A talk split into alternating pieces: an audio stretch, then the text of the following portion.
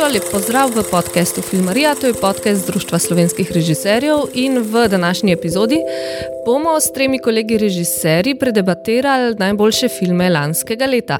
Z mano so Urška Džukič, živijo Urška. Zdravo. Žiga Verc Živijo. in Damjan Kozole. Zdravo. Uh, ideja je, da vsak od nas je prinesel pet svojih najljubših filmov iz leta 2021, kar že tega leta je konc, nevrjetno. Uh, šli bomo po vrsti, nekako po tem našem seznamu. Na začetku bomo govorili bolj o filmih, ki jih je mogoče gledal ali pa so všeč enemu od nas, na koncu pridejo na vrsto še neki skupni favoriti. Um, tako da, noč, to je to, mogoče najbolj, da kar začnemo. Um, Urška, ti si edina, ki si dala na seznam en kratek film. Uh, to je film, slovenski prevod bi bil Moj stric Tudor, čeprav ne vem, če je bil pri nas sploh v kakšni distribuciji. Um, mislim pa, da je to film, ki je dobil tudi nagrado Evropske akademije za najboljši kratki film pred kratkim. Ja, pa tudi dobil je v bistvu um, Zlatega medveda za najboljši film v Berlinu. In je pač, ja, je kratek, ampak je v bistvu en ful bolj pretresljivih filmov, ki sem jih videla v zadnjem času.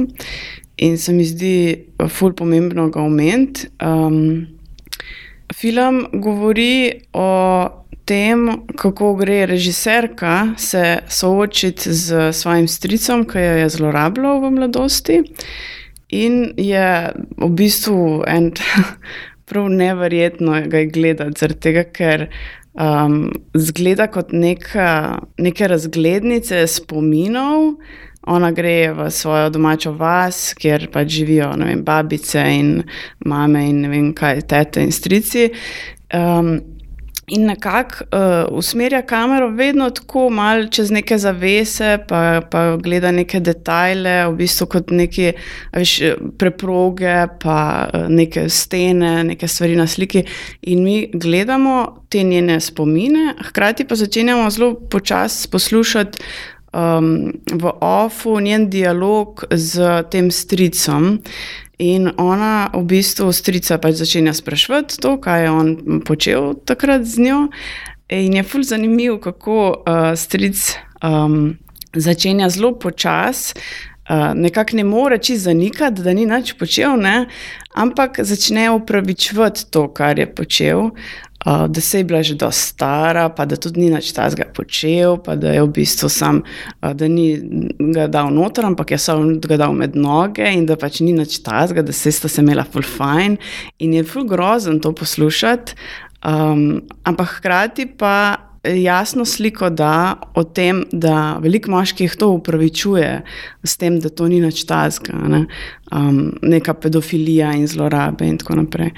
In na nek način mi je bil ful zanimiv, ker je tudi kot neka vrsta terapija. Uh, v bistvu je mogla ta režiserka fulene poguma zbrati, da je pač se soočila z neko to svojo bolečino in jo pokazala svetu na nek ful poetičen način. Uh, in je en bolj pomembnih filmov lanskega leta. No. Um, Damien, ti si tudi, se mi zdi, ta film želel omeniti? Ja, jaz ga sicer nisem imel na, na, na tej lestvici petih, zaradi tega, ker je bilo lansko leto res eh, leto neverjetno dobrih filmov. Uh, je pa tudi uh, med mojimi favoriti. Uh, mislim, da je Urška zelo lepo upisala in zdi se mi, da uh, seveda nič v filmu ni močnejšega kot neka osebna izkušnja. In uh, ta film je. Uh, Vrhunsko zrežiran z, z osebno bolečino, uh, In uh, tisto, kar se mi zdi, če bi dodal še k temu, kar praviš, uh, te hipokriziji družbe in, uh, in odnosu do spolne zlorabe, ne, je še, uh, bi rekel, zunaj tega filma, potem ko je ta film prišel ven in postal uh, tudi uspešen, uh, se je, je družina ne, stopila na stran strica, Ankla ja, Tudorja in ne nje. In je praktično cela družina se je tako rekoč odrekla režiserke, nje, ki je bila zlorabljena, ne pa njega. Ne. Tako da uh, živimo pač uh, še vedno v časih, ko, ko, ko, ko, ko pravzaprav težko verjameš, no, da se take stvari, kot se je s tem filmom zgodilo. No. Uh, mislim pa, da, uh, da ja, kako je film lahko res tudi neka osebna izkušnja, ne samo uh, povod za ta film, ampak tudi posledica tega filma. Prav sprašujem se, ne, uh, kako je danes, potem ko se je na tak način razkrila, uh, razkrila svojo bolečino, svojo travmo in uh, doživela še dodatne travme. Ne. Ja, se problem tega je vedno glih to, da pač žrtve molčijo, ne, da nič ne povejo in, in potem se to lahko dogaja. Če pač se začnemo pa o tem pogovarjati, pa pa um, najbrž nekako razkriješ del tega in, in se to ne more več tako pogosto dogajati, kot če vsi sami pač smo tiho v tem. Um, tako da zaradi tega se mi zdelo zelo pogumno od nje, je pa tudi uh, ja, tako najbrž izjemno težko. Res je, da je film full uspešen na velikih festivalih.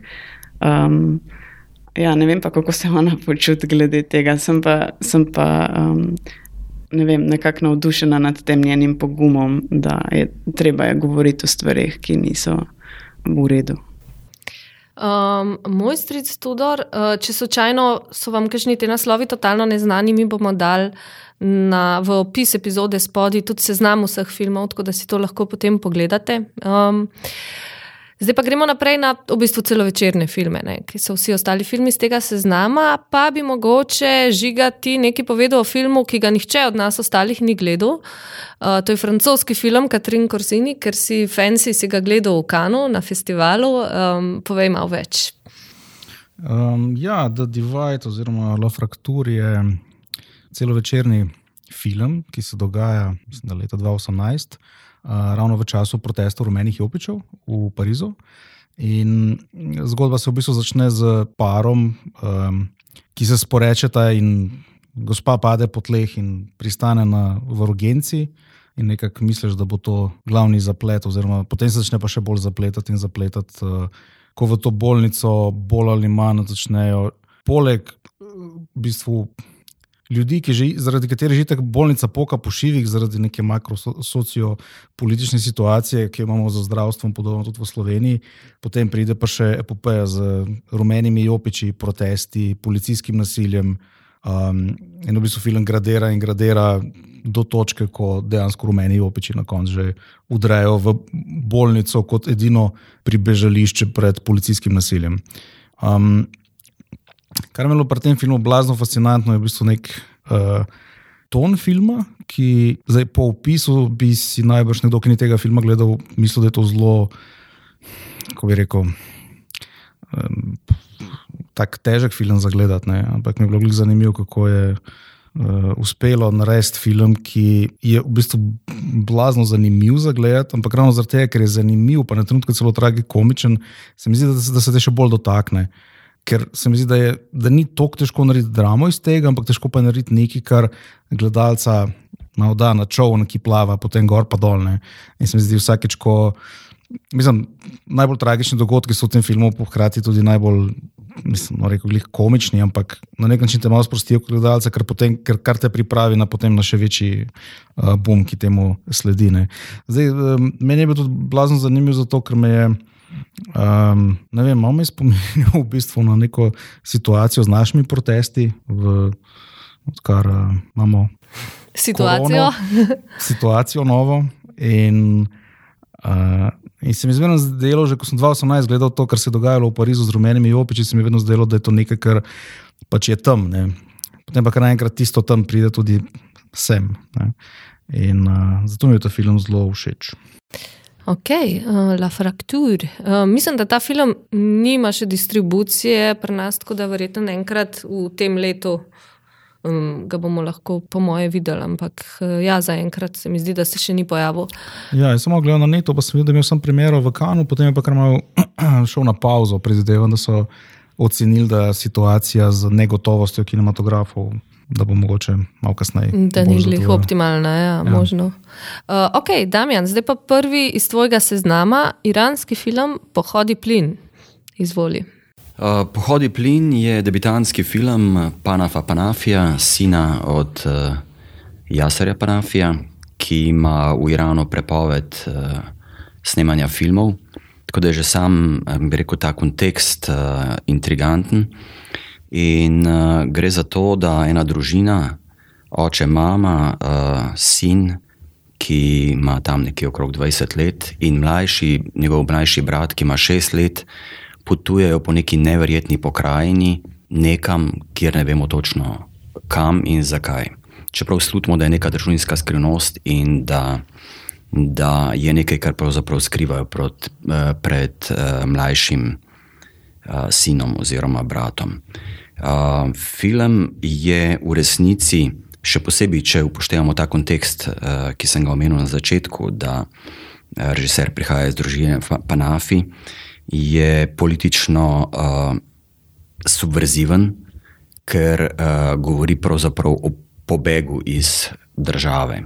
Na koncu se razkrije, da peljejo uh, sina na zbirno točko, kjer bo ilegalno, uh, ilegalno prebegnil proti zahodu. Uh, tisto, kar, uh, kar je, mislim, film je sjajno zrežiran. Film je, cel film se dogaja v avtu in ob cesti. Mislim, da je samo en prizor v neki, v neki uh, kantini ob cesti. In mi vsi, ki se bavimo s filmom, vemo, kako težko režirati uh, prizore v, v avtomobilu. Tle pa so najboljši prizori v resnici zrežirani, uh, zrežirani posneti ravno v avtu. In eh, tisto, kar, uh, kar je mene pretreslo, in mislim, da kar gledalca pretrese, je, da je ta film v resnici pred filmom vsem tistim posnetkom, ki jih potem vidimo na televizijah in v filmih, uh, beguncih, beguncev, ki so samo še neke anonimne številke, ujeli so 12 beguncev, ujeli so 15 beguncev, umrlo je tok in tok beguncev. Uh, ta film pa govori o tem, da vsi ti begunci uh, so imeli neko svoje otroštvo, neko svojo mladosti, uh, neke svoje sanje, neke svoje družine, se žurali, uh, imeli nekoga radi, trpeli in šli na neko pot, uh, ki se običajno slabo konča. Skratka, ta film govori o tem, da so to ljudje svoj, z imeni in svojimi usodami. Uh, mislim, da je izjemno poetičen film. Uh, podobno kot je prej rekel Žiga, uh, če se sliši, da je film težek, ne, pravzaprav ima zelo uh, lahkoten ton, uh, na momente izjemno zabaven. Uh, bonus so izjemni igravci, oče, mama in fantastičen ta mlajši brat. Uh, posneti je v izjemni pokrajini. In uh, počasi, počasi se ustvarja ta turobna atmosfera, in uh, ne glede na to, da družina poskuša ohraniti nek feel good na koncu, skupaj z gledalci se pač uh, zavedamo, kako je za nekatere življenje res uh, kruto. Ok, pohodi plin, mislim, da je bil tudi um, zmagovalni film na Lifu letos v tej ja, sekciji perspektive. Uh, zmagal je v perspektivah in mislim, da je zmagal v Londonu. Aha, točno, ja, res je, ja, na, na BFI. Uh, mm -hmm.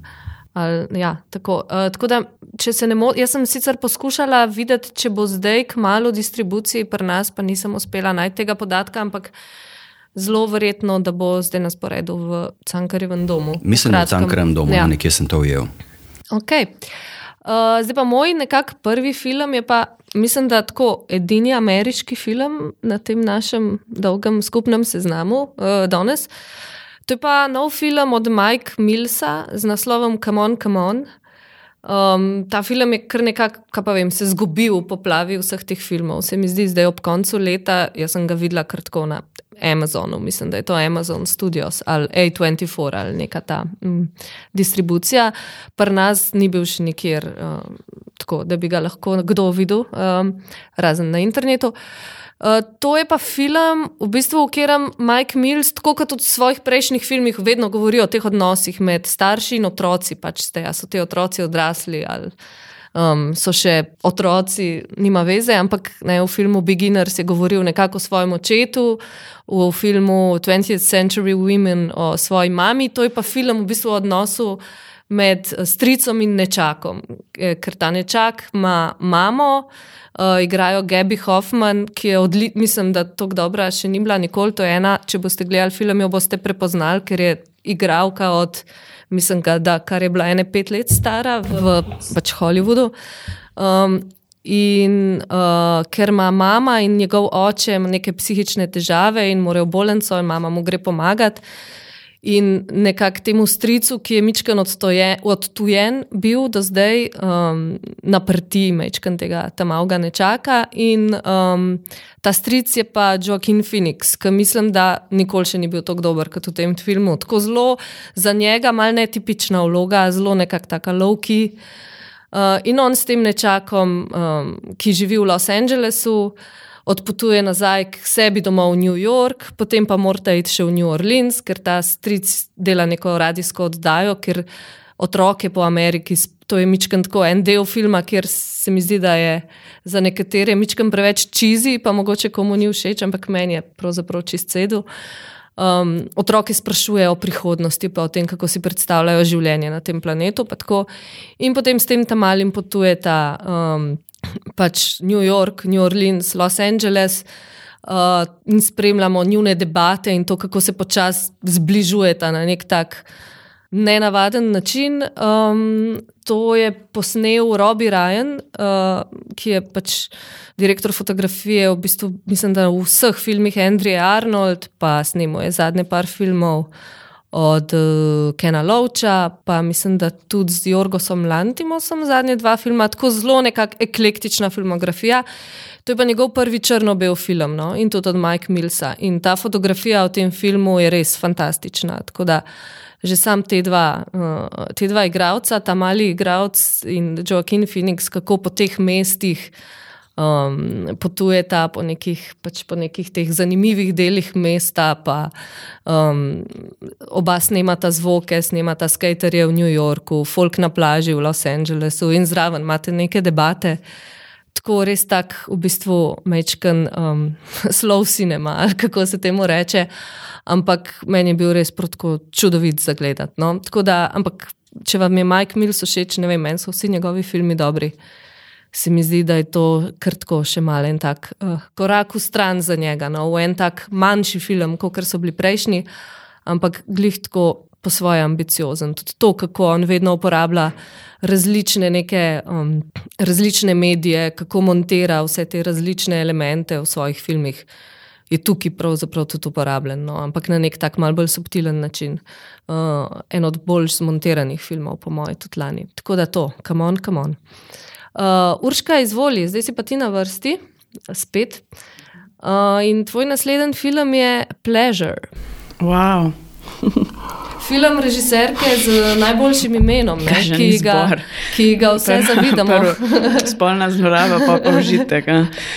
Um, ja, Pleasure, ne vem, če ste ga gledali, uh, je zaenkrat ga še ni v Sloveniji v distribuciji, ampak je en tudi bolj zanimivih uh, filmov, mlade avtorice, v bistvu je debitantski film.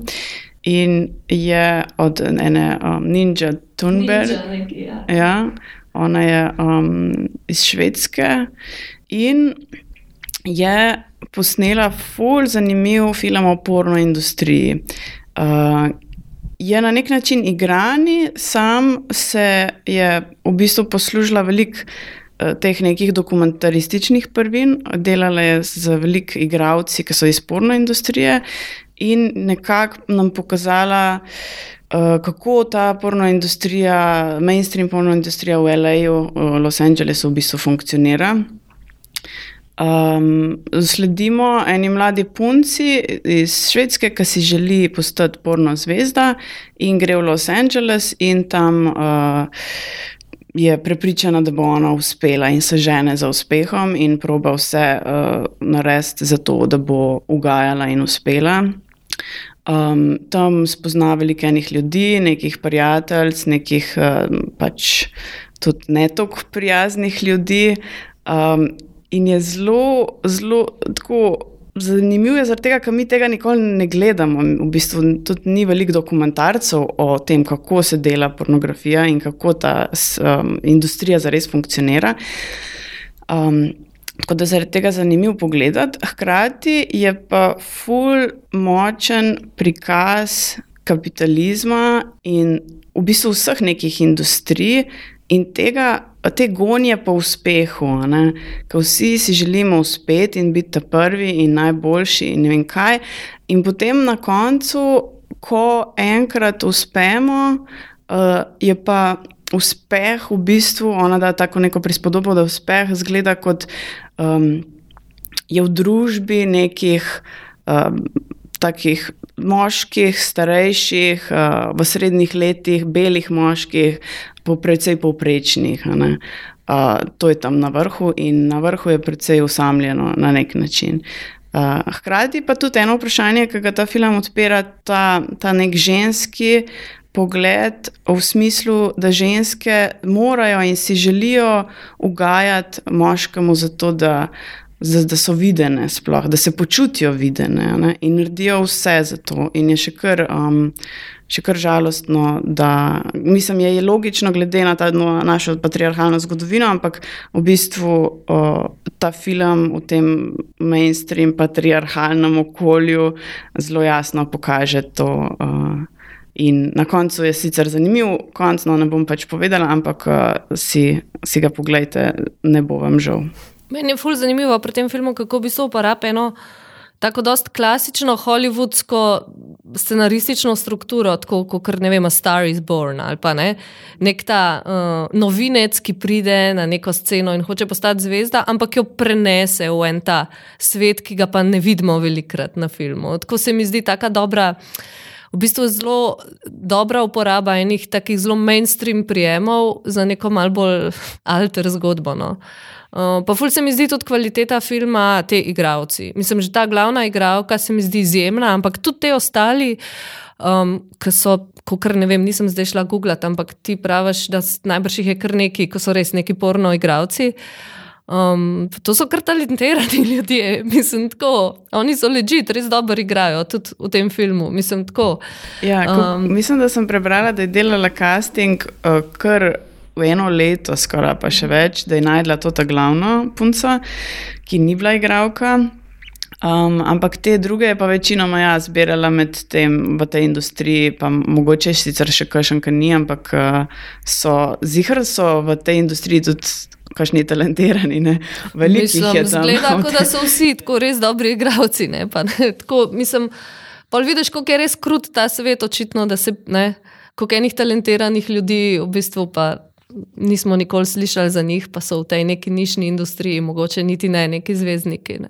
Ja, sam zares eh, so zvezdniki, če ti mogoče slediš tej porno industriji. Ne? Večinoma jih ne sledimo, pa, ali pa odvisen, koliko te zanima. Ne? Tam so neki fulj zvezdniki. Sam, kakšna je pa cena tega, uh, je pa ja, kar visoka, no? pa v filmu vidiš. Uh, pleasure. Ja, to, jaz mislim, da je to nek tak tudi tako po svoje, dost uh, tako privlačno zapakiran film, da mislim, da bi moral biti nekje tudi tako slejko prej uh, na voljo za videti. Čeprav je pa verjeten neki ta, a to sploh ne vem, kako imamo v Sloveniji. Glih na televiziji ne bo, no, ob devetih zvečer, verjetno. Sam, sam je pa ful smešen, zaradi tega, ker nima, nima dejanskih, mislim, je nekaj erotičnih scen, ampak ni hardcore ja. porn, kot recimo ta film uh, romunski Bad Luck mhm. Banging, mm -hmm. Looney Porn, ki ima pa direkt. Uh, Hardcore pornografijo noter v filmu. Ja, v bistvu je ful več tega namigovanja, pa pol imaš občutek, da je. Pa vse je odrezano, ja. nič ni zares vidno, ampak v bistvu si noter v v tem. Ravno to sem hotel dodati, ja, da v tem filmu imaš na koncu občutek, da si videl veliko več, kot v resnici si.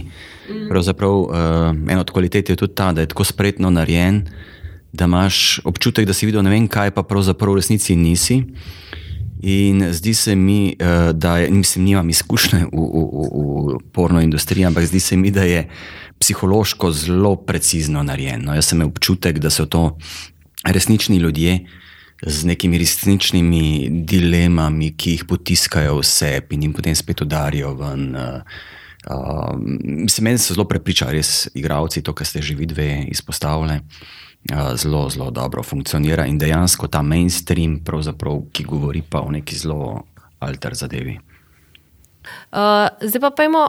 Mogoče, um, da ne bomo tako skromni, a ne slovenci. Se tudi, kakšen slovenski film nam je bil ful dobr v lanskem letu. Uh, Uh, Žiga, ti imaš na seznamu film Prasica.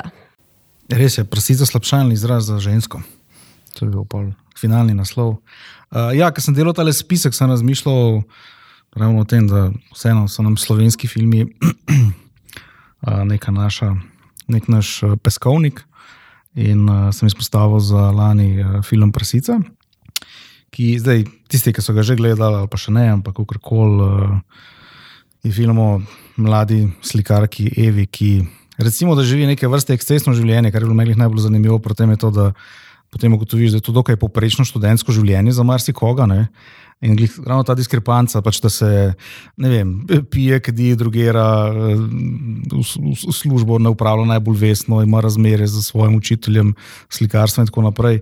In um, kar je bilo meni zanimivo, je to, da se nekako nismo mogli čeziditi, ali je to res ekscesno ali je pač običajna faza, ki jo da marsikdo čez, ne vsi, ampak. Ne, in uh, zdi se mi, da je nekako uspelo temu filmu narediti um, to, kako ljudje v neki starostni dobi se na nek način malo ustavijo, zakočijo, bi se temu rekli. Ne. Ko bi morali naprej z. Ravno tam nekje po koncu študentskega obdobja, ko bi morali naprej s svojim življenjem, pa jim to nikakor ne uspe in ne gre. Ne. Um, kar je lahko spet zelo depresivna tema, ampak temu filmu uspe, da ni. Uh, in zdi se mi, da, da so zelo liki precizno zrežirani, zdi se mi, da so. Um, Vem, od vsega bi še malo gledal, no? Tako, ko gledaš film. Če veš, da bi, da bi še kar malo gledal tiste slike, ponovadi veš, da je dober film. No?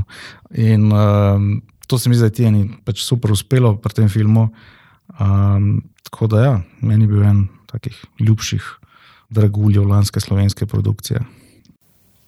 Damjan, ti si ga imel tudi na tem mal, uh, mal daljšem seznamu, ki si ga pol moral malo skrajšati.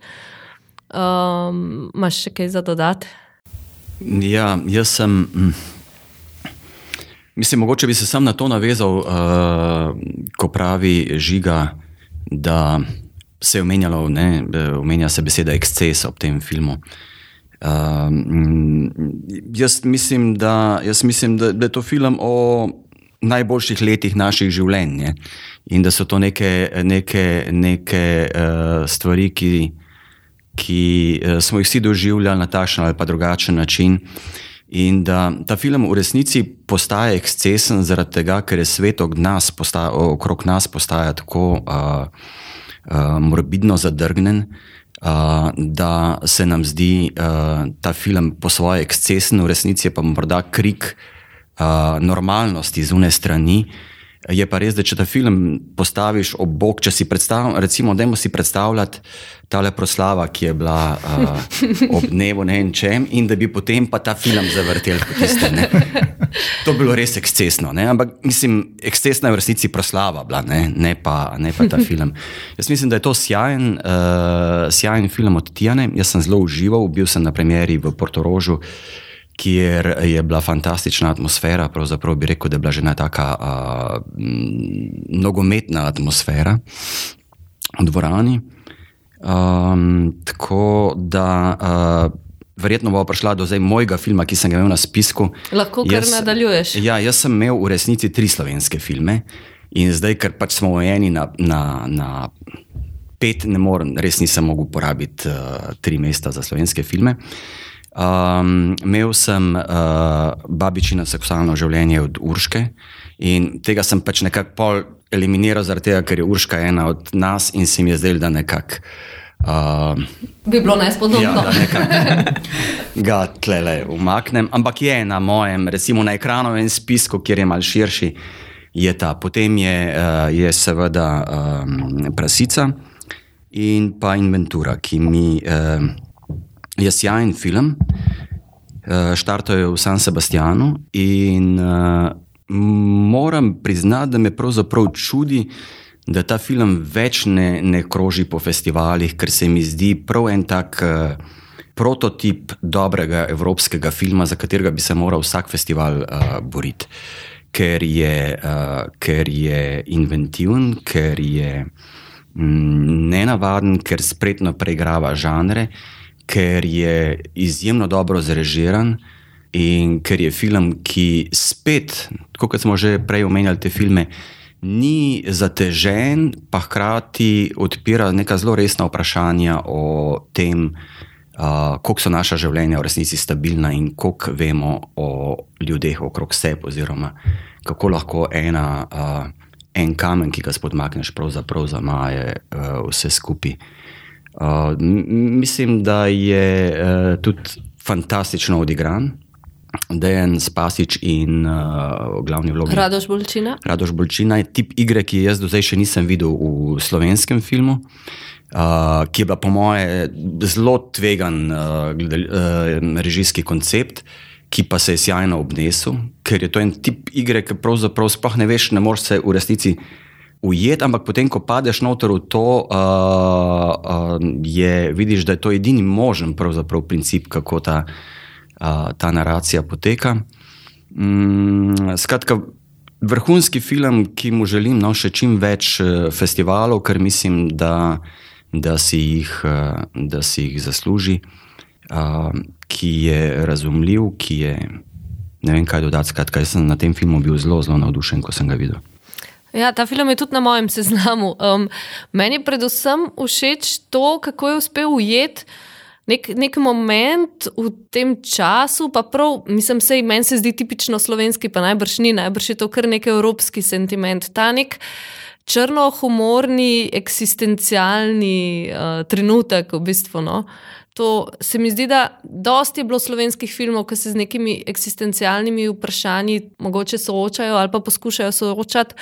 Ampak ne vem, ne spomnim se nobenega, ki bi se tega na tak način lotil. Se pravi, v bistvu zelo inteligentno, zelo duhovito, ampak na en tak uh, mal simpatično zadrgnjeno slovenski način. No. Tako se mi zdi, sicer vem, da je marsikoga to spominjal tudi na mogoče še ta film iz tega novejšega romunskega vala, ki so tudi mičken malo kombinirajo filozofijo, črni humor, ampak to zapakirajo v neko tako žanrsko, včasih ne v neko tako žanrsko zgodbo. No, ampak uh, tukaj se mi zdi, da ima to prav nek tak slovenski flavor, kar mi je ful simpatično. Tako, uh, in tudi to nekako, um, kako ta mali človek skozi film pravzaprav se sprehaja skozi te situacije, ki se mi zdi, da so fultko znane nam vsem. No. Tako, prav se mi zdi te, um, te konflikti, pa te, te družinske vem, povezave, pa te dogodki v filmu, se mi zdi, da, da bi vsi gledali. Nekaj malo, to bi bili lahko tudi seki iz našega življenja, sem da je tukaj vse malo obrnjen. Ne. Nek, te neke debate, kdo bo imel stanovanje, otroci, starši, uh, ne vem, te neki mali konflikti v službi, te neki trenutki, ko skušamo biti prijazni, pa pol v bistvu se nam malo ne da več biti prijazni drug do drugega. Tako se mi zdi zelo, ne vem, um, da je zelo postrgo ene stvari iz, iz sveta okoli nas, pa jih na nek tak. Um, Te neke banalnosti, no, pa jih z malo brata v bistvu pretvoril v eno tako uh, dosti duhovito, ampak po svoje tudi dosti tragično zgodbo. No. Ja, film je zelo, zelo duhovit.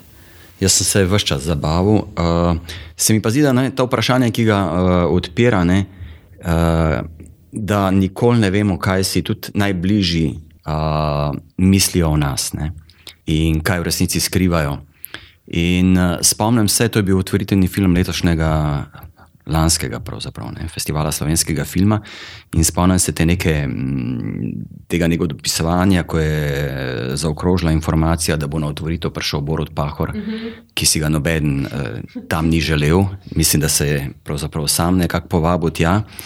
In vsem je bilo zelo, jo je grozno, in načemo nekaj narediti, in to in potem je nekako prevladal nek, nek konsens, da je najbolj, da se ne naredi nič, da je pravzaprav ignoranca najboljša, uh, najboljši odgovor.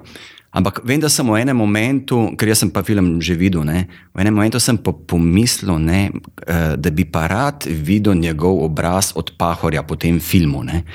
Ker uh, vsem se mi zdi, da dovolj pametno, pa vse je, da mu bi dal ta film malo misliti. In uh, mislim, da je namenjen takim ljudem, kot uh, takim samošečnim, narcisoidnim osebam, ki, ki, ki, ki nimajo stika z realnostjo. Mislim, da je ta film vseeno uh, ima to neko politično, politično konotacijo in mogoče bi končal še, še s tem, da je film um, tudi omaš, ko sezam. Ne? Ja, vem, tudi res je. A je še kakšen film, tako da se ga spomnimo, da je bil v kosezah, pa da je res tako koseški, kot je. Da te terasasti bloki tako eksplicitno nastopajo. In še ta, v bistvu, geografija, kar je meni ful simpatično, pravzaprav ta realna geografija teh koses, ne, iz katerega balkona vidiš potem, na kjer hrib in na fusbal igrišče. in Tako. Um, tako da, ja, Inventura. Mislim, če se ne motim, da tudi avtor, ne, eh, naš kolega, živi v kosezah. Ne. Ja, ja, mislim, da Darko Sinko živi v, uh, po mojem, da je njegov blog tudi nekje v enem kadru. Ja. Uh, ok, gremo naprej. Uh, Urška, tvoj naslednji film je uh, Compartment Number Six, oziroma kako je že bilo to vagon ali kako je bilo to prevedeno. Um, če kako na to je, um, vagonu noter je, ne vem, ali je. Kupe. Kupe, kupe. Kupe številka šest. Kupe. No, Urška, povej nam o kupeju številka šest. Kaj? Ja, kope številka šest, nisem nikoli izgovorila tega v slovenščini, pa tako da mi je ful čudno. Um, je finski film, ki je uh, tudi ful uspešen, dobil je Grand Prix v Kanu in uh, v bistvu je zdaj na shortlisti za Oscarja. Uh, tujega. Film me je ful presenetil, ker sem se na koncu počutila um, ful ganjeno. In tudi, mogoče, če ena čisto osebna stvar, ki sem se jo vprašala, takoj po koncu tega filma je bila, joj, a bom jaz kdaj sposobna narediti tako lep, pa tako preprost film. Um, in mi je dal ful za misel. V bistvu je izjemno preprost film, na nek način road movie, dogaja se v vlaku um, in govori o, o srečanju dveh in pač o tem, kako o, sočutju, o tem, kako se lahko mogoče povežemo skozi naše ranljivosti. Um, in je, in je, in, mislim, karakteri so tako lepi, da bi jih kar objel. Začne se sicer na nek drugačen način, pa vidimo vse neke nianse in vse plasti teh likov, ki niso najbolj prijetne, ampak hkrati pa ti začnejo v bistvu, ti zlezajo pod kožo na nek način in jih imaš kar takoj fulorat. Um, ob, ne, podoben je mogoče tem filmom uh, Before Sunrise, Before Mhm. In ko, ker v bistvu je zelo preprosta ljubezenska zgodba. Ampak je na tak uh, subtilen način no, ta psihologija likov prihaja ven, da mi je bilo to neverjetno. No. Nič ni na prvo žogo, vse je zelo, zelo uh, prikrito, ampak hkrati jasno in razumljivo. In tudi mislim, da se snema na 35 mm trak in ima tudi to nekaj svojega, neko svojo moč, se mi zdi, nek take fulipe barve, postavljanje ne vem, tam neko leto, neki, kaj jaz vem, 95, tam nekje. Uh, in se vlak se vozi pač po Rusiji do tega nekega zelo severnega mesta, Mur, Murmansk, mislim, da, Murmansk, ja. nek tazga. Um, sledimo tej študentki, ki gre tam, si želi gledati neke um, stare jamske poslikave. In potem pač pride v to neko severno mesto, je, kjer jih ujame nek tak vihar, ampak je hkrati tako zelo uh, romantičen ta vihar in izjemno lep. Uh, skratka, v bistvu film o nekem takem preprostem, ja, sočutnem srečanju dveh uh, ljudi. To je režiser, ki je naredil prej najsrečnejši dan Olja Makija. Ne? Tako meni se zdi, ful človek v nevarnosti, da ga Hollywood pohopsa in da ga tam najamejo za neke čizi, ne vem, romantične zgodbe, ker se mi zdi, da res ful dobro zna glih to neko. To, kar je pravzaprav ful redko zdaj v evropskem filmu, ta mičken rahli feel good, ampak na nek ta. Uh, Ful subtilen Na način. nek ta, v bistvu. ja, tako, pa sodoben v bistvu, no, čeprav so vsi ti njegovi filmi zaenkrat tako kostumski ali pa ne, se dogajajo v preteklosti. Um, pravzaprav je zanimiv te um, zadnje čase, fultko. Uh, Tako smo že tudi stari, kaj, da so že filmi, ki se v času našega življenja dogajajo, da so že kostumski filmi. Ne? Film iz leta 95 je že pravzaprav se dogaja v preteklosti. Ali pa um, No, se mogoče bomo še rekli, polen film na seznamu. Mislim, da se dogaja tam neki 2008 ali neki in je tako, glih tam ta prvi iPhone. Pa, um, in je pravzaprav zelo zanimivo gledati te filme, ne, kako obdelujejo eno tako, rečemo temu, tako nedavno preteklost. Uh, meni je bil film dober. Uh, dodal bi samo to, uh, ko je Urška na začetku rekla da je film enostaven. Jaz sem pa med gledanjem tega filma vse čas premišljal, kako je ta film v resnici produkcijsko zahteven. Mislim, da je to morda eden najbolj zahtevnih evropskih filmov preteklega leta, poleg še parih drugih. Uh, ker se res, da se dogaja na vlaku, ne? ampak je tako precizno narejen, in um, ta vlak ni v studiu narejen, vse je na resničnih lokacijah, lokacije, na katere potem pridemo, so izjemno zahtevne, vremenski, uh, vremenske uh, okoliščine so realne, niso, niso naknadno narejene. Uh, tako da ta omemba Hollywooda je kar na mestu, ne? on uh, resnično obvlada in je film. Uh, Sam, kar se tiče same produkcije, kamere, režije, resnično vrhunski ali pa že holivudski, čeprav evropski, oziroma niti ne finski, ker če, jaz sem ga skozi nekaj gledal kot ruski film. Mm -hmm, ker je v ruščini. Ja, ker je v ruščini, ker se dogaja v Rusiji, ne, ampak ja, je, je finski film. Um, Pejmo zdaj naprej na en še mal brz, res kao kostumski film. Uh, Žiga, ti si izbral en nemški film, uh, Dominika Grafa, s naslovom Fabian, oziroma nekdaljši naslov.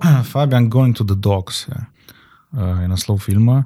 Um, v bistvu sem ravno kar razmišljal, kaj je tako posebnega na tem filmu, da mi je bil ful dobr. Eni filmi so taki, da so ti res ful dobri, pa je težko uh, v petih točkah analizirati, kaj je tistih par točk, ki jih naredijo dobre. Ampak um, to je film, ki je drugače delan po romanu iz leta 31, uh, tako da se tudi film dogaja leta 31, se pravi v nekem zelo vakumskem obdobju uh, v Nemčiji. Um, ko imamo like, ki so pač tako ali drugače bili, um, um, tako ali drugače se jih je dotaknila Prva svetovna vojna in je bilo še kar nekaj let do druge. Počasi, počasi, nekje se čuti vzpon nacizma, pa tako zelo rahlo.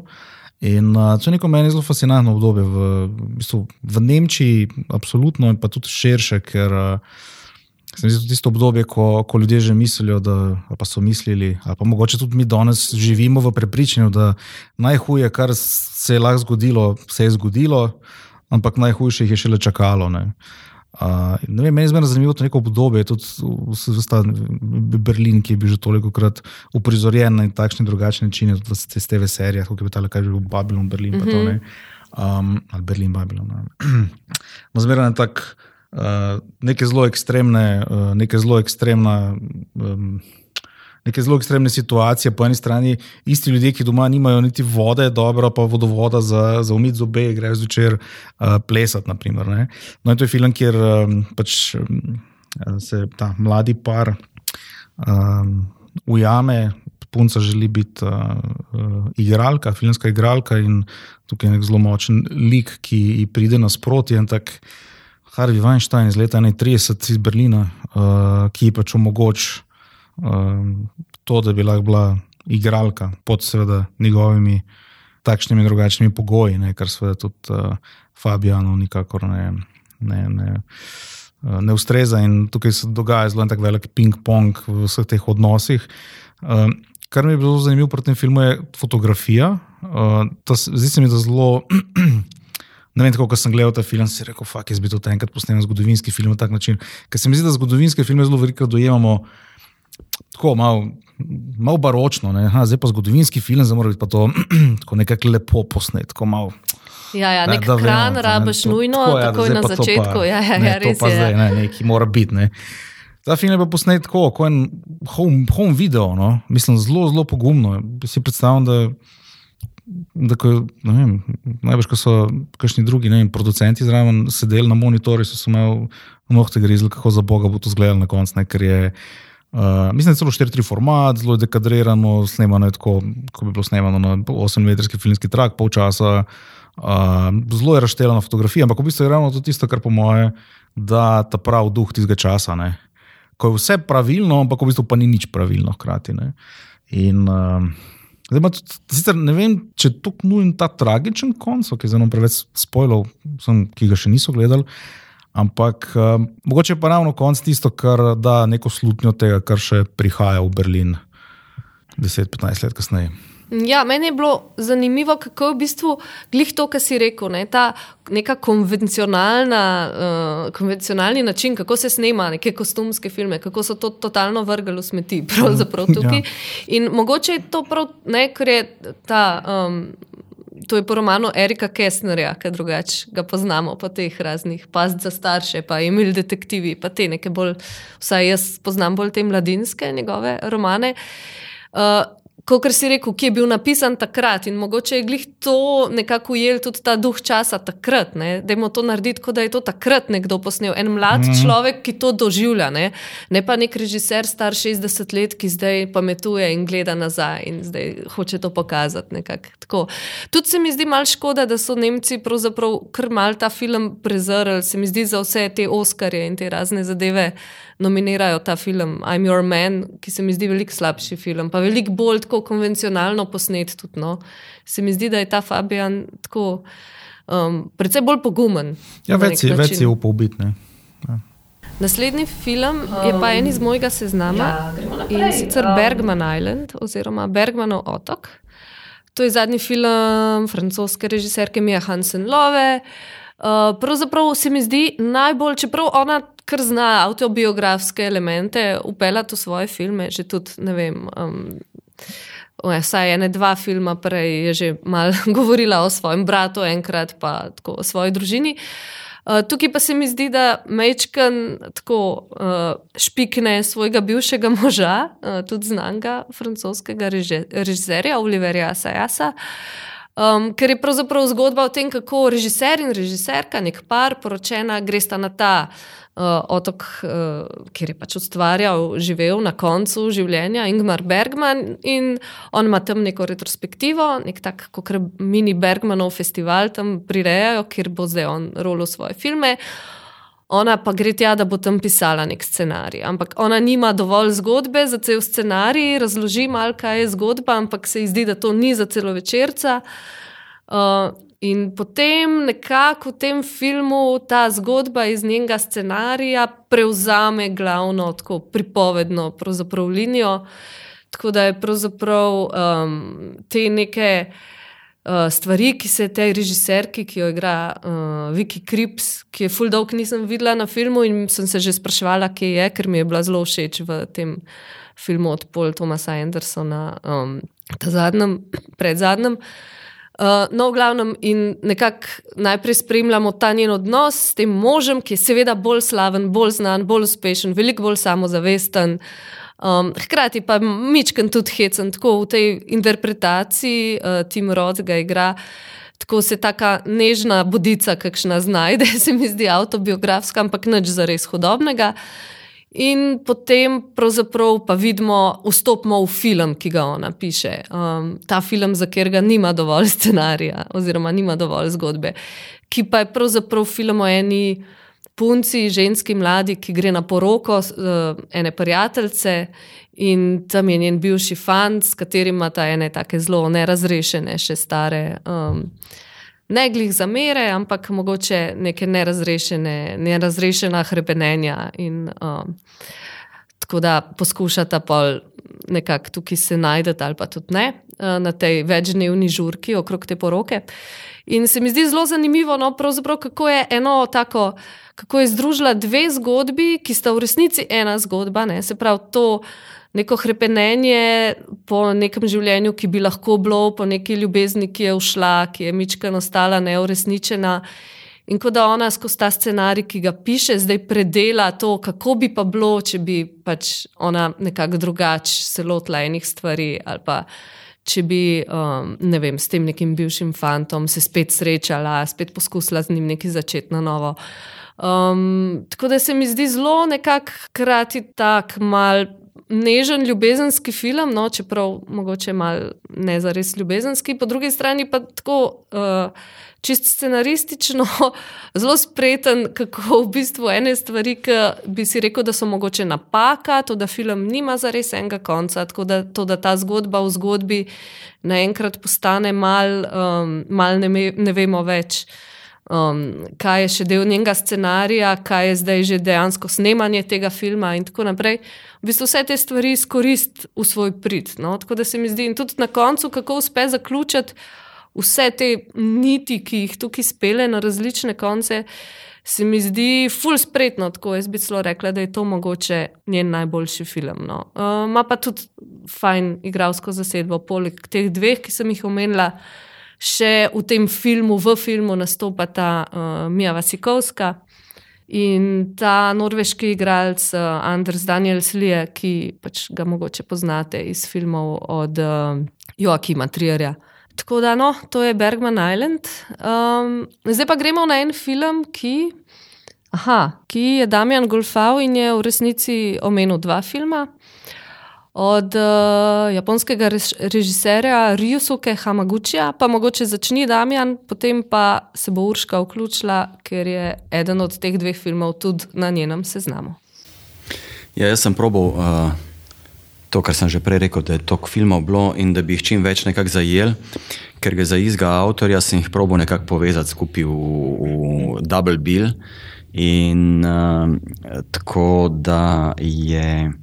Zdaj govorimo o Drive My Car. Ali, ja, in ja. o naključju in domišljiji. In o naključju in domišljiji. Ne? Gre za istega avtorja.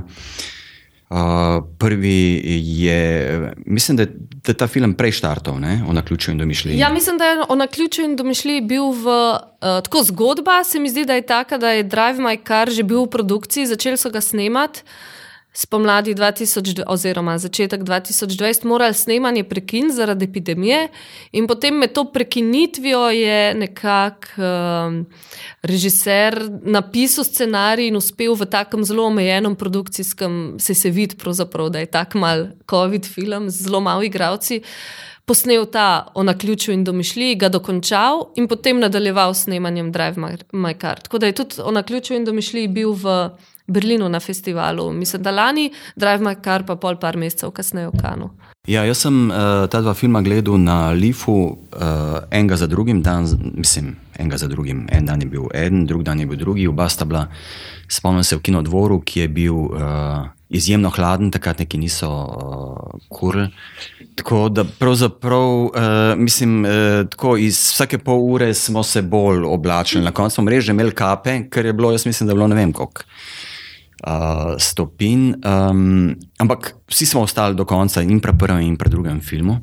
Zdaj, uh, ta uh, o naključju in domišljiji je v resnici, zl, kot si že sama rekla, zelo enostaven film. Doskrat uh, se kot avtori seveda um, zalotiš, da razmišljaš o tem, ali je to možno pri nas posneti. Ali ni možno, oziroma iščeš upravičila, da tega mi ne moremo narediti. Uh, ta film bi lahko posneli kjerkoli. Ne. Ta film je sestavljen iz treh zgodb, in vsaka zgodba je, mislim, da posneta na ne več kot na treh lokacijah. In uh, govori o tem, kako tudi neki odnosi, ki smo jih imeli v preteklosti, še danes vplivajo uh, na naše življenje. Tako da Tle gre za neke, bi rekel, obstaja ta neka teorija, ne, da kako z nekom, s katerim si, vpliva tudi na tvoj DNK. Tle seveda ni mišljeno na ta nek uh, fizičen DNK, ampak na nek uh, notranji, duševni in kako lahko neke te stvari ostanejo uh, s tabo zelo dolgo. Film je pravzaprav dialoški s sjajnimi igravci. Uh, in uh, tisto, kar je mene fasciniralo, je, da je, da je v enem letu avtor pride ven z dvema filmoma, od tega en dolg dve uri, drugi pa tri ure. In, in še, oba dva sta ful, ful, dobro. Oba sta sjajna in na nek način jih dejansko lahko povežeš skupaj.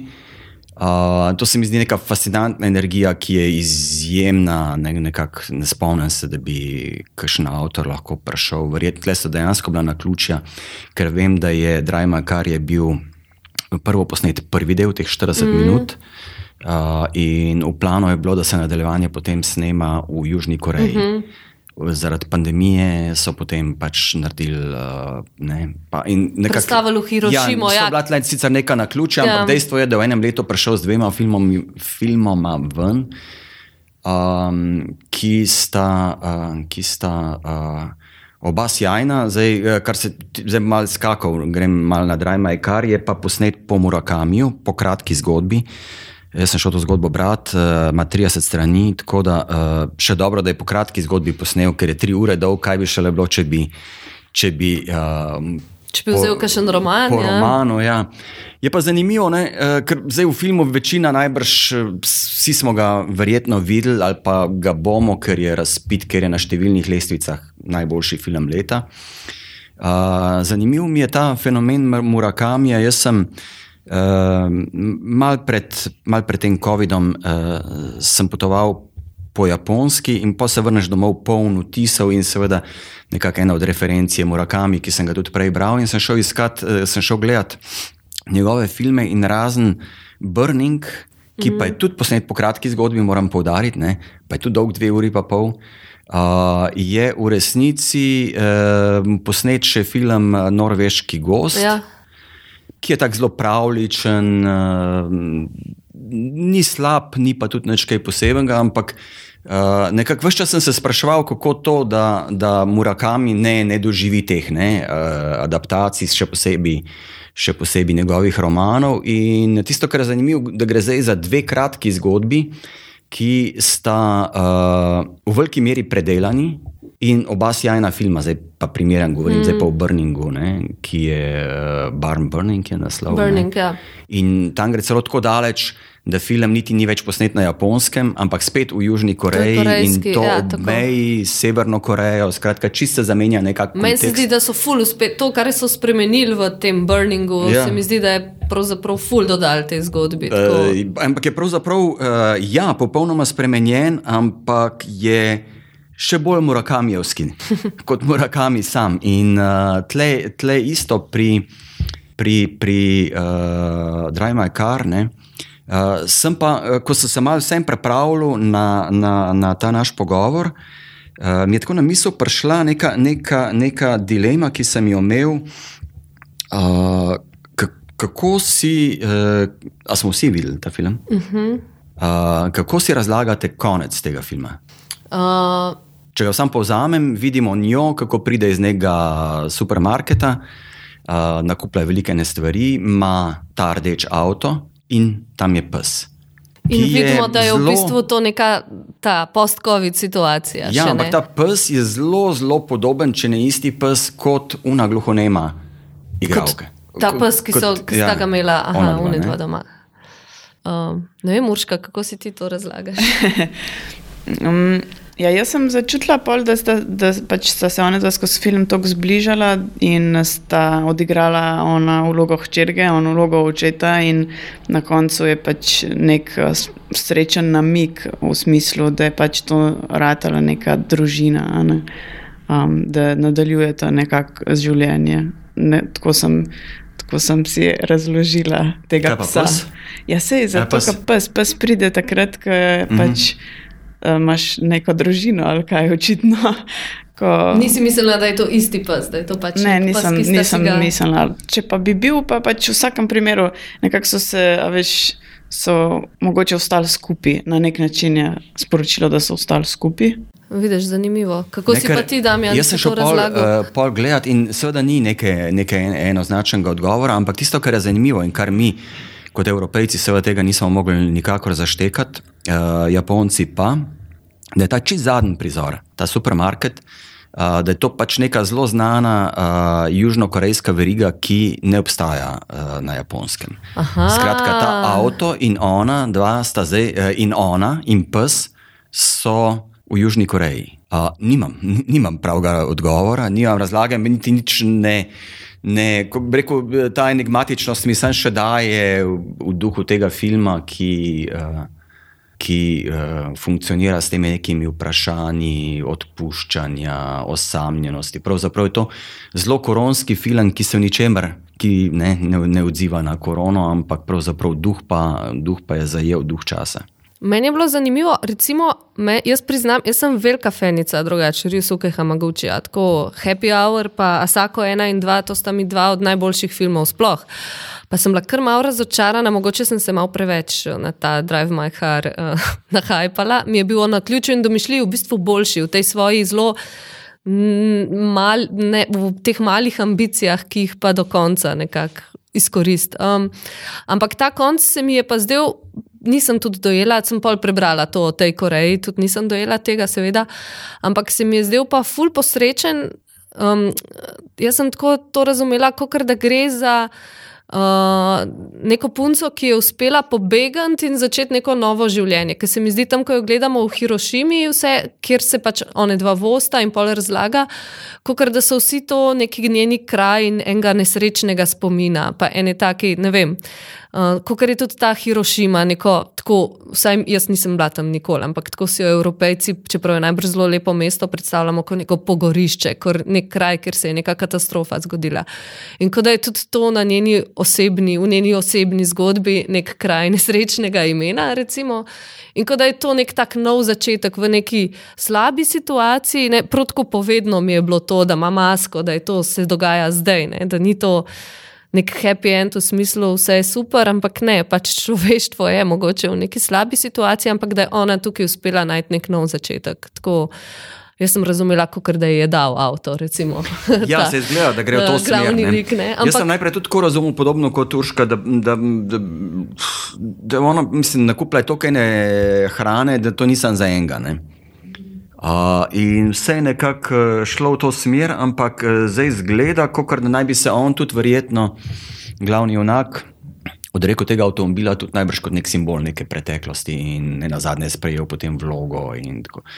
Mislim, vse najlepši filmi, ne, filmi, ki jih imamo najbolj radi, so tisti, ki so do neke točke zmeri odprti za interpretacije in si vsak z nekim svojim čustvenim spominom, z nekimi svojimi izkušnjami um, vidiš nekaj ne, v tistem in si razlagaš na svoj način, po moje, to je neka velika kvaliteta. Ne.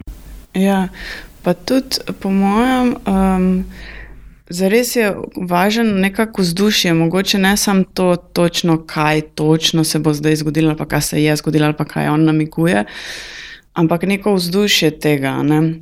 In če gledaš cel film, Um, mene se je zelo dotaknil ta film v tem smislu, ko govori o tem, oba dva sta mi super. Um, ampak ta Drive My Car še posebej govori o tem srečanju samega s seboj in s svojim notranjim svetom in svojimi čustvi.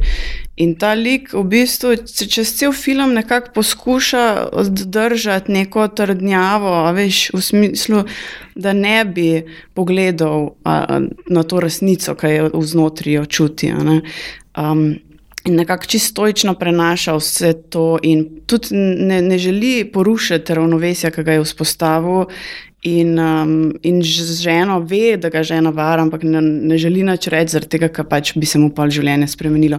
Ampak bolj ko on v bistvu uh, z, hoče zatajiti ta svoj notranji svet, pa ta čustva, bolj se bolj svet zunanji razpada mu. In na koncu koncev se more srečati s svojim vlastnim notranjim svetom, in potem ga to na nek način odreši. Ne? Um, in ta konc je v bistvu sam še, po mojem, nek tak epilog nekega, kot si ti tudi dojela, um, pozitivne prihodnosti, ki je pač življenje. Ne? Ja, tudi se mi zdi, nekaj je s tem avtom, tudi uh, o tem, ne, kako spustiti kontrolo, prepustiti, da nekdo drug vozi tvoj avto. Čeprav tako se mi zdi, da je to kar spretno no, uporabljeno, čeprav mogoče ni glih med, med mojimi najljubšimi filmi od tega avtorja, ampak se mi zdi, da ene stvari zna zelo tako. Um, no, ampak v lanskem letu je eden najljubših.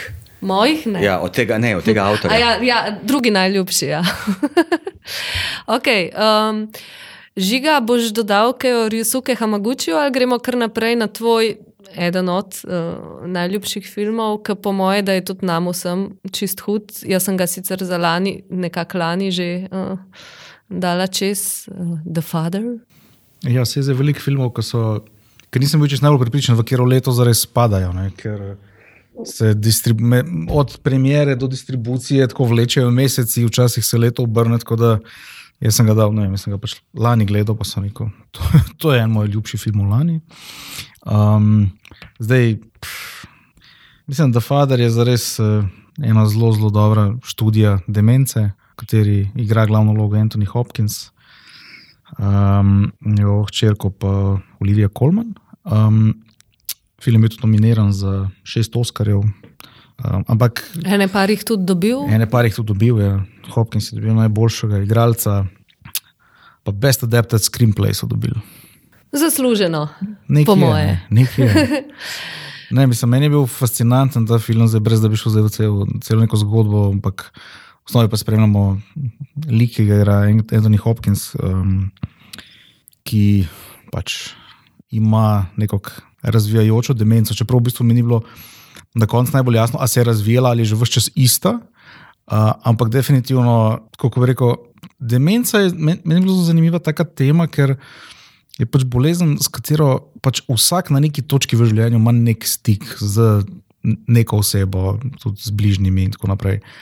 Ampak fuljo je težko zares čisto razumeti. In se mi zdi, da ko pa pogledaš ta film, je pa tako, aha, mislim, da sem tako malo dotaknil tega razumevanja kaj demenca je. Ker sem prav razmišljal o neki točki, ko sem gledal, ker neki režijski pristopi so taki, da te kot gledalca tako vržejo v, v, um, v to bolezensko stanje, da ko gre recimo glavni igralec parkati po tem hodniku, po stanovanju, začne v neki točki razmišljati, pa je ta hodnik neki drugačen, kot je bil prej.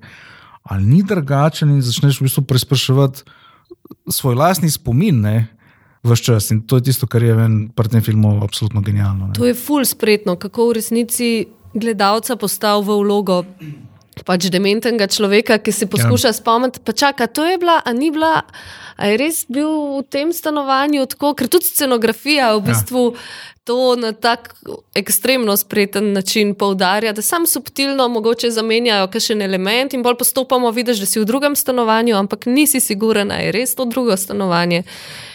Um, če so isti ljudje.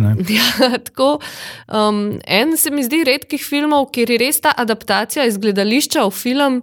Bila prav nujna, se mi zdi, ker se, si predstavljam, da v gledališču to tudi zelo funkcionira, ampak se mi zdi, da je film pa še boljši medij za to, še lažje je nekako gledalca, tudi z montažo, z zvokom. Ne vem, še lažje ga je nekako pretentati in še bolj lahko izkoristiš vse te možnosti, ki jih v bistvu ta zgodba ponuja. No. Um, tako da se mi zdi, da je to prav tako, uh, prav tako en primer, redek, no, ker je res nek, fil, nek gledališki komad bil potreboval to neko filmsko adaptacijo. No. In nekaj, kar ko prebereš, pa se ti zdi, oj, pa to je po eni drami, pa zdaj v enem stanovanju, en gospod, uh, to bo grozno, ampak ko gledaš, je pa to v resnici v bistvu horor film. No? To je ja. grozljivka, ki te totalno potegne noter. In meni se zdi, da res nekaj tako spretno režiranga in napisanga in odigranga. V bistvu v enem tako zelo omejenem um, produkcijskem smislu, ne? bolj kot ne je to par stanovanj, najbrž v studiu uh, posnet. Uh, in še ne par takih mini lokacij, se mi zdi, fultko, prav dosežek. No? Skok malo sredstvi z v bistvu zelo inteligentnim scenarijem in inteligentno režijo. Um, kak ekstremno, ekstremno učinkovit film je to. Ja, pa tudi je zanimivo, koliko v bistvu različnih interpretacij imajo gledalci. Sem malo pol Google in revije in mnenja in se zelo krešajo mnenja. V bistvu, kaj točno smo mi sploh gledali? Ne? Ali je on zdaj vse čas v tem domu, pa se v bistvu samo vsem spomini za nazaj uh, vračajo. Ali je dejansko smo ga spremljali kako v bistvu ta demenca gre iz neke točke v neko drugo skrajnost. Ne? In, in, in je ogromno velikih interpretacij, kar je fascinantno, je to, da v bistvu ne glede na to, kako se ga interpretiraš, je vrhunski film. Mm. Um, kar ja. je redkost. in, glih, in glih to je, glih to, um, ko se začneš pogovarjati, kaj smo mi zares gledali, prav eno od teh momentov, ko te postavi spet v to, pravzaprav njegovo glavo. Ne?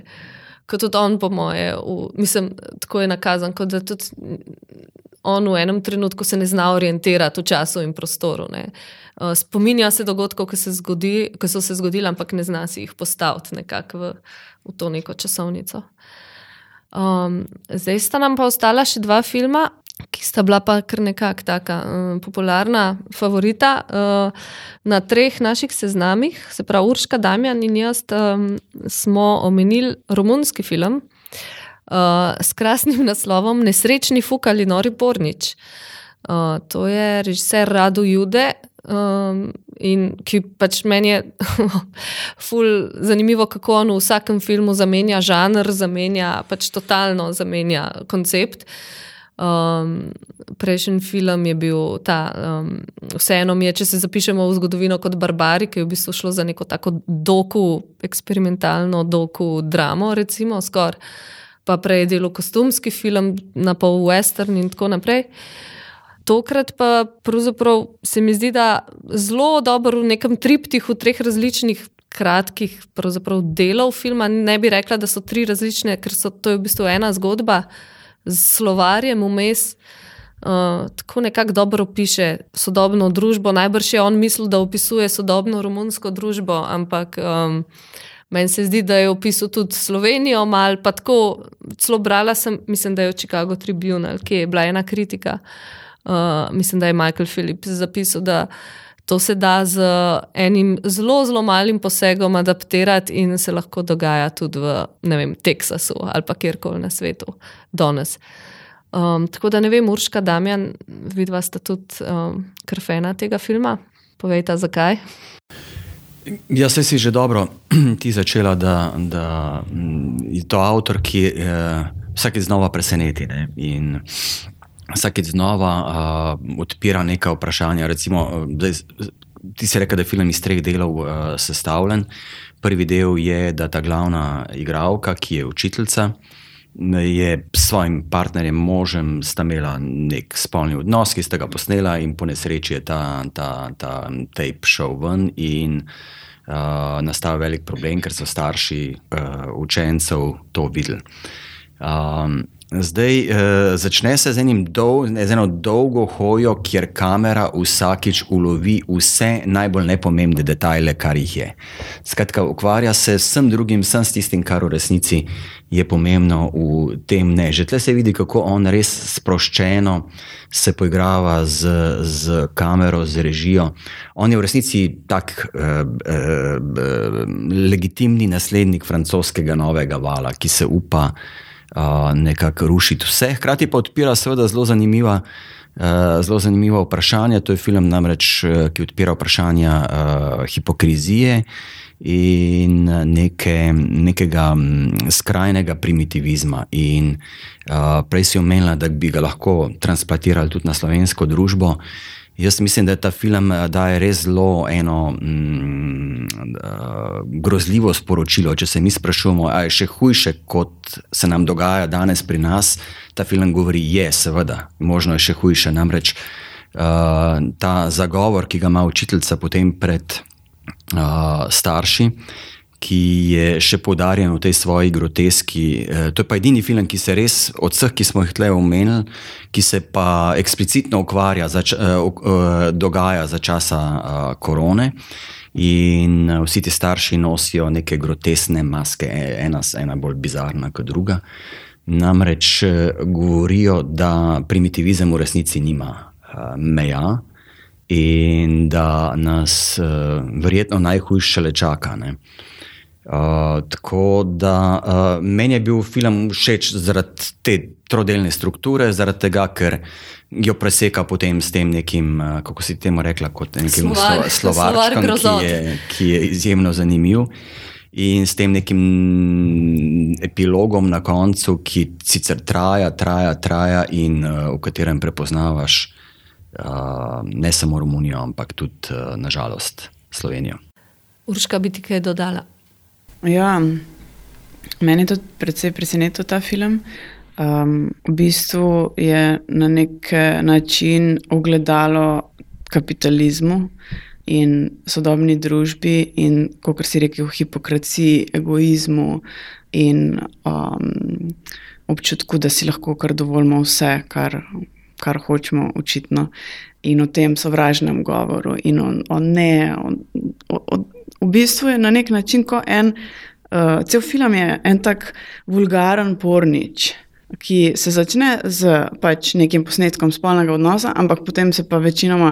Uh, pa se pa res zgodijo, pa se pa še le še najbolj moralen. Pa se pa ta, ta del je še najbolj moralen, moralen v celem filmu. Ja. Pa pa še le ta nek odziv družbe, ki je uh, grozen in uh, um, ne, ni fair do te uh, učiteljice.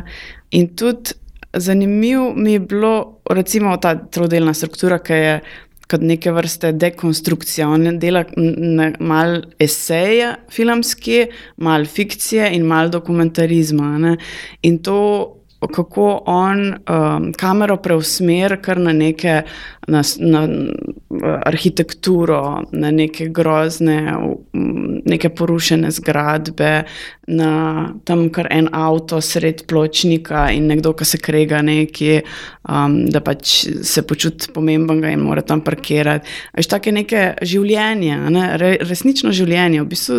In polk gledaš to veliko mesto, ki je v bistvu zelo umazano in grdo in ima in polno nekih groznih neonskih napisov, takih vulgarnih. Te jumbo plakati, ogabni, ki ja. nas spominjajo malo na dom, ne na Ljubljano, vsaj mene to. so totalno. In se počutiš, slovenski, ja. Ja. se počutiš tako grozno, ja, to je to, mi v tem živimo, ja, to je res tako. In, in kar, jaz sem se ful žalostno začela počutiti. Hkrati pa pol noter v tem delu, ko on ima ta nek hecen slovarček, ne, kot esej zgodovinskih dejstev ali pa nekih stvari, ki, ki so pripeljale do tega, da je družba taka, kot je. On pove to zgodbo o uh, Ajperzeji in Meduza, o tem, kako mi lahko očitno pogledamo zlo samo skozi ogledalo. Predvsej, ko gre ubiti meduzo, mu ga posvarijo, da, more, da ne, ne sme gledati v oči, ker bo okamenil, in potem on mora to gledati skozi svoj ščit in v ogledalo.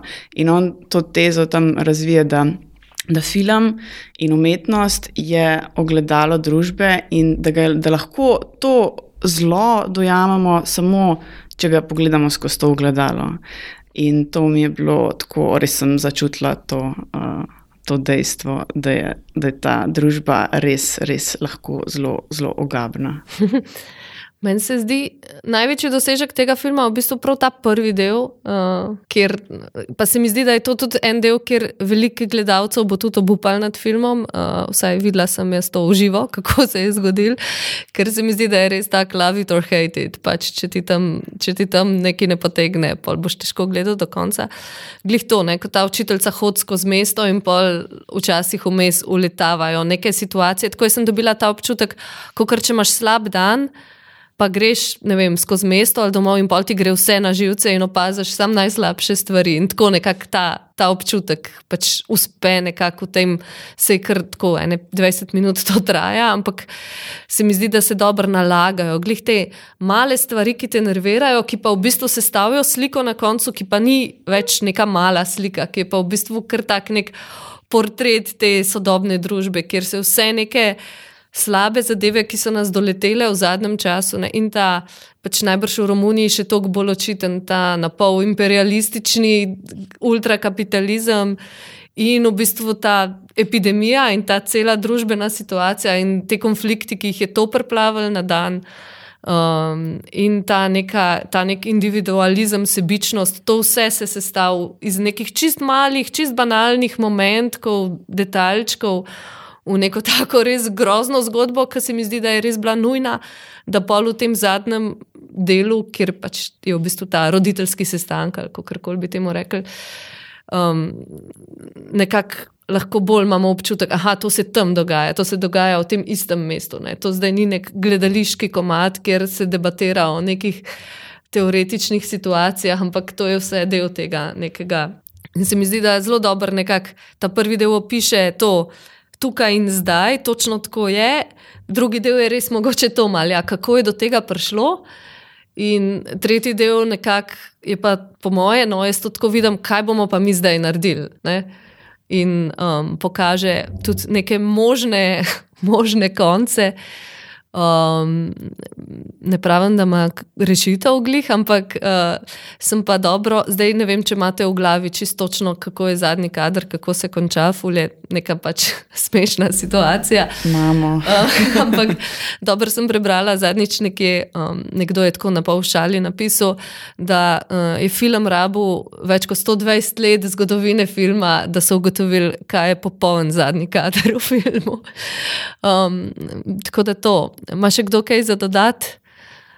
Jaz sem, uh, ko sem odhajal ven iz, iz kina, uh, mi je ostal seveda v spominu zadnji kader, ampak ta zadnji kader se mi je nekako mešal, no, ker skos, tako se mi je zdel seveda ta film, uh, da govori ne samo o romunski, ampak tudi o slovenski družbi. In skozi se mi je ta zadnji kader prepletal z, z, z tistimi kadri, ki jih ne bom nikoli pozabil, tistega mariborskega uh, učitelja, kjer so tudi neki posnetki um, šli ven, bistveno manj sporni kot, uh, kot te tukaj, in končali so se s uh, samomorom. Uh, tako da zdi se mi, da to uh, moraliziranje je pač um, del tega, kar sem prej rekel, no, primitivizma. No. Mislim, uh, zelo lahko je zmeraj soditi druge, ne. neverjetno je, kako smo ljudje nasplošno narejeni, ne, kako imamo stroge kriterije za vse druge, razen zase. Uh, tle je sicer zadeva res prepeljana uh, do absurda. Pravzaprav je to ena taka. Uh, Ko bi temu rekel, žanrovsko ta zadnji del, je to neka farsa ali ne vem kaj, v resnici je smešno, ampak, ampak se ja, satira, ampak se, se ne moreš niti, ne moš se niti smejati. Ne. Jaz sem se kar smejal. Uh, ja, lej, tako ampak... se ti meša neki vmes. Ne. Uh, ampak res prepoznavaš, ne prepoznavaš uh, ja, svet okrog nas. Sladko, kislo je pa grenko, ja. je v bistvu vse skupaj, ko gledaš ta zadnji. Ne vem, ne, ne vem, se mogoče zdaj malo uh, odskačem ven, ampak zdi se mi, da je m, ta uh, pojav Trumpa v Ameriki ne, uh, nekako uh, legaliziral uh, vse norce tega sveta, da je končno prišel njihov čas in da uh, morajo vse svoje norosti uh, na glas tudi.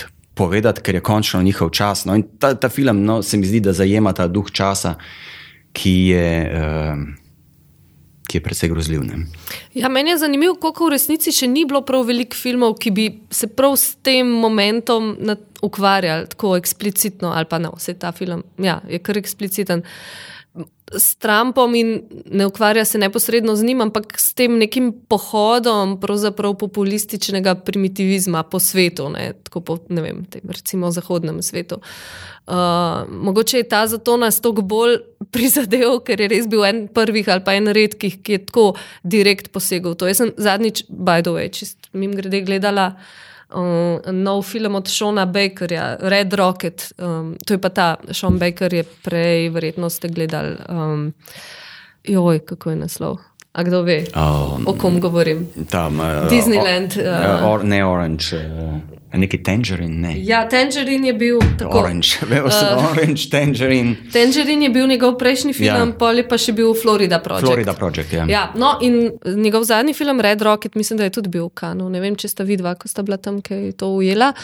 Um, se prav eksplicitno dogaja v leta 2016, prav to, začetek tega. Pa, pravzaprav ni zgodba o tem, to je zgodba je o nekem porno igralcu, ki je mal propadel, pa se želi vrniti na sceno. Dogaja se v Teksasu. Zraven ene ogromne oljne uh, vrtine, oziroma nekje, kjer pač nafto črpajo, in je skozi v zadju ta neka, ta neka ne glej grožnja, ker v Teksasu to ni grožnja, to je bolj, končno smo mi na vrsti. Uh, in je v bistvu mogoče en drugi ali pa tretji šele film, ki sem ga videla, da se dejansko ukvarja s tem trenutkom. Uh, prav, pa imamo pa še zadnji film, ki smo ga tudi, evo, Damjan Žiga, Damjan Žiga in jaz dal na seznam. Uh, tudi bi mogoče lahko bil film iz leta 2020, ampak mislim, da smo ga vsi gledali lani. Uh, to je Kuo Vadi Saida. Žiga, ker ti začni. Um, ja, Kuo Vadi Saida je najbrž film, do katerega mislim, ki obravnava temo, do katere imamo vsi iz tega geografskega področja, uh, še neko bolj dodatno povezanost. Uh, in tudi, mogoče se meni tudi zaradi tega celo še bolj dotaknil, kot se najbrž tudi večina gledalcev.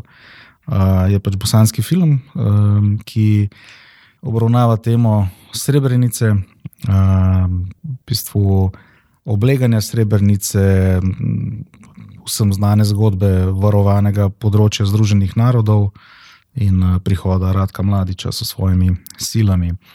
Um, Sedaj je to blazno, blazno težka tema, o kateri pa je nujno govoriti.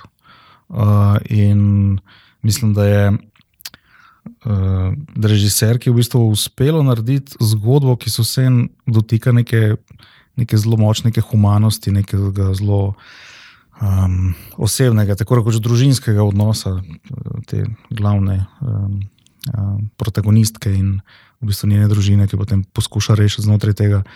In, uh, ja.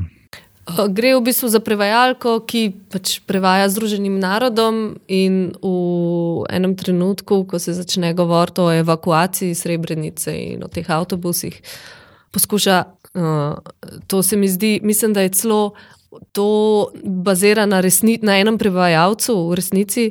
Uh, mislim, da je zelo spretno, da je spremenila scenaristka to prevajalko, ker je pač edina ženska v družini, ima dva sina, mlada, ampak odrasla že in moža, se pravi v tej neki. Družbi, kjer ponovadi bi kot ženska nasrkala, je ona v tem primeru edina, ki mogoče kot ženska ni v mal manjši nevarnosti, ker mi, ko to ve, gledamo, vemo, kaj se je z moškimi v Srebrenici zgodilo. In ima hkrati to malo, malo moč, um, da misli, da lahko nekaj doseže. Meni se zdi to izjemen film, ampak tudi. Zdi se mi, da je en tak velik, um, celo tako produkcijski dosežek. No? To je koprodukcija nekih, ne vem koliko, osmih vsaj držav. In, uh, Mislim, da od Balkana sem Slovenija, ni bila kot producent. Možno je. uh, tako nekako od Turčije do. Tem, ja, ja, mi smo vedno lahko uh, si umili roke, prodali smo orožje in smo se omaknili. Uh, mogoče so kakšne slovenske puške tam med rekviziti, ki jih je kakšen Janša prodal takrat, evo, pa sploh ne vemo. Ne, ampak res se mi zdi tako, tudi to, ne, ko slišiš, aha, in bosanski film o vojni, pa sej so že bili, ne, marsikaj, marsikaj je že bilo posnet, pa povedan, ampak na tak način, mislim, in tako ambiciozno, in tako dobro zrežiran, dobro napisan, odigran. Uh, mene tudi ne čudi, da v bistvu je pohopsal režiserko HBO in da zdaj snema The Last of Us serijo za njih, kar je pač ogromen projekt. Uh, ker se mi zdi, da je tudi tako obrtniško uh, izjemen film. No, in ne samo to, tudi to, kako pravzaprav, um, če greš gledat. Uh, ker mislim, da je marsikdo to šel početi uh, na YouTubu, pa če marsikaj od teh posnetkov za res lahko vidiš. Ne? In radka mladiča in to, kako na te avtobuse uh, ukrcavajo ljudi in tako naprej. In pravzaprav vidiš, da je tudi politično to ekstremno spreten film. Čeprav v Srbiji, mislim, da razen v Novem Pazarju ali kje sploh pač ni bil in ne bo v distribuciji, verjetno nikoli ali pa še nekaj časa ne. Ampak kako je to, um, pravzaprav vse, kar je v filmu, je, kar vidiš teh uh, srpskih sil oziroma mladiča in teh njegovih vojakov kako je to pravzaprav bazirano čist na posnetkih realnih. Ne? Noben ne more reči, da to ste si pa malo zmislili, to ste pa malo pretiravali. Ne, pač lahko greš na YouTube in pogledaš. In kako v bistvu to skoraj že neko doku, dramatsko, neko to realnost preplete. S to zelo spretno napisano, neko thriller, v bistvu zgodbo, no? te prevajalke, se mi zdi zelo, tako, tudi, zelo spretno, tudi scenarij napisan. No? Um, pa kar mi je bilo tako, kar mi je bila ena od stvari, zaradi katerih sem tudi malo navijala za ta film, tako generalno, zdaj sem bila fulv vesela, recimo, da je dobil te nagrade Evropske akademije, je, da je ta režiserka Esmila Žbanič ena. Redkih, kar sem jaz, ne vem, tako hodiš po teh delavnicah, pa poslušaš te masterklase, pa ta predavanja, pa pridejo režiserji, pa tam neki klobasajo. In je bila ona zdaj je bila v Sarajevu um, letos, lani, ena redkih, ki je pa tako zelo konkretna bila. Protko je rekla: Vprašajte me konkretno. Bila je pripravljena povedati vse, kako so, kako so kadrirali film, kako so to produkcijo speljali s to ljudmi. Tako se mi zdi. Um, tako da je to bil res en tako ogromen projekt, na katerem so se vsi ful naučili in da so zdaj pripravljeni te stvari deliti naprej ne, z kolegi. Tako kot da je tudi za celo to, predvsem bosansko, ampak verjetno tudi tako XU filmsko industrijo bil en tak korak, ki bo upam, da tako mičkan tudi. Ne, tak pomemben korak naprej, ki bo tudi vplival na to, kar se bo delalo naprej. Tako da Um, se mi zdi tudi super, da je bil ta film tako uspešen in sigurno ni bil tako uspešen samo zaradi te pač nedvomno zelo močne zgodbe. Ne.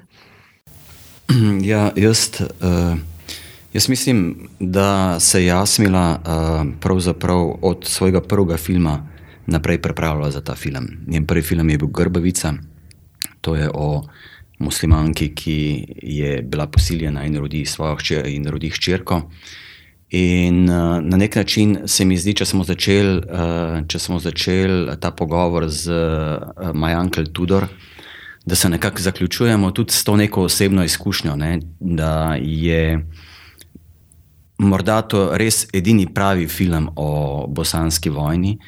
Uh, tudi zaradi tega, ker je Jasmina to vojno v resnici doživela, ni bila v Srebrenici, bila pa je, bila pa je v Sarajevu. Uh, In uh, mislim, da je to film o spravi, ne pa film o obsodbi.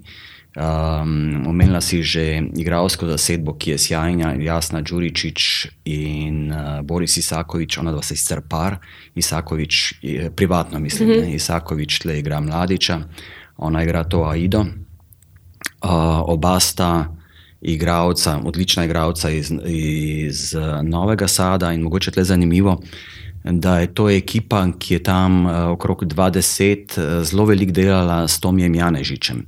Oni so imeli ogromno teh igralskih procesov in vsi ti igravci so kasneje govorili, kako jih je to v bistvu zelo zaznamovalo, v smislu te uh, naravne igre, mm -hmm. v smislu tega igralskega procesa. Tako da na nek način nismo čist brez Slovenije, ni mal, mal jo tukaj je. Um, ja, rekla si, da je film produkcijsko izjemno narejen, da je to film, ki je sprožil. Ne poznam nobenega primera v zgodovini filma, da bi neka država, da bi neutralizirala moč filma, kot je v tem primeru Kovadi Saida, posnela nek drug film, govorim zdaj o Srbiji in o Dari in s tem doživela kar precejšno blamažo. Uh, ker smo pri vsakem filmu nekako se pogovarjali o O koncu uh, se mi zdi, da je morda uh, tle tudi zanimivo se pogovarjati o samem naslovu, ne, Kuvadis Aida. In ti si rekel, da je morda ona ta, ki je tle najmanj uh, ga najebala. Uh, mislim, da ne, mislim, da ravno uh, ta naslov ne, uh, govori Kuvadis Aida, namreč uh, zgodba svetopisanska je, ne, da sveti Peter. Um, pobegne iz Rima, zato da ga ne bi križali, tako kot so ostale apostole. In ko odhaja ven, oziroma ko je že zunaj Rima, sreča Jezusa, ki se vrača nazaj in mu reče: Kovadis, uh, domine, se mi zdi, da je ne, v latinščini. In Jezus pravi: uh, Nazaj grem, da me še enkrat križajo. Ne. In uh, zdaj mislim, da to ni spoiler, ampak ona se na koncu vrne nazaj uh, v to mesto v stanovanje, mm. v katerem zdaj živi, živi tisti, ki je morda dobesedno ubil, uh, ubil njuna, uh, njenega, njuna, njena sinova. Njena sinova in, in moža. Nedavno sem govoril z enim psihiatrom, ki pravi, da nekaj smo se pogovarjali o nekih drugih stvarih. Pravzaprav pogovarjal sem se o perotu, našem perotu, musejskem in o depresiji in o bolečinah duševnih. In so prišli do tega, oziroma pravo mi je, da je uh, smrt otroka uh, najvišja možna bolečina, psihična bolečina, ne govorim o fizični bolečini, ki jo človek lahko uh, doživi. Uh, ona je izgubila tle oba. Uh, in ta Kovadis Aida nam govori, da prihaja še enkrat, da jo razpnejo na križu. In če pogledamo danes uh, stanje družbe, vidimo, da je to izjemno močen uh, komentar tega, kar se danes dogaja, in obsodba te neke sprenedavosti, mednarodne skupnosti, Evropske unije, ki dopušča stanje. In uh, realnost današnja v Bosni je pravzaprav, da je to uh, tik pred eksplozijo. Če pogledamo, kaj se dogaja v Banja Luki, so stvari res uh, pred. pred uh, Uh, kolapsom. Tako da mislim, da je to um, močen film, ki je, da se vrnem k žigatu, zaznamoval uh, našo generacijo. Jaz sem iz one generacije, ki smo te zadeve res doživljali. Naši prijatelji so bili ujeti takrat v številnih mestih. Uh, mislim, da je to avtorsko pošten, uh, film, produkcijsko izjemno zahteven. Zanimivo, kako je te vloge razdelila tudi, da so pravzaprav neki glavni negativci uh, bosanski igravci, ne, da je uh, Aida uh, srpska igralka. Skratka, tle se tudi vidi nek njen namen, da pravzaprav uh, ne obsoja enoznačno. In uh, ta konec uh, in sam naslov. Pa se mi zdi, ne, da, da, ki izhaja iz, iz zgodovine krščanstva, da pravzaprav uh, um, na nek način zelo daje subtilno um, vedeti, kaj si misli o, o, o, o religijah in o družbi. Ok, pol pa, dragi kolegi. Uh... Zelo vam hvala za te vaše um, prispevke današnje. Vsem, ki poslušate, uh, pogledajte si seznam filmov v opisu, pa uh, upam, da jih boste čim več lahko videli. Če še kakšnega niste, verjetno niste vseh, tudi jaz nisem. Um, pa se slišmo naslednjič. Adijo. Poslušali ste podcast Filmarija, ki ga izdaja Društvo slovenskih režiserjev s podporo Slovenskega filmskega centra Javne agencije Republike Slovenije. Producentka Zala Opara, tehnična izvedba Luka Marčetič. Hvala za posluh in do naslednjič.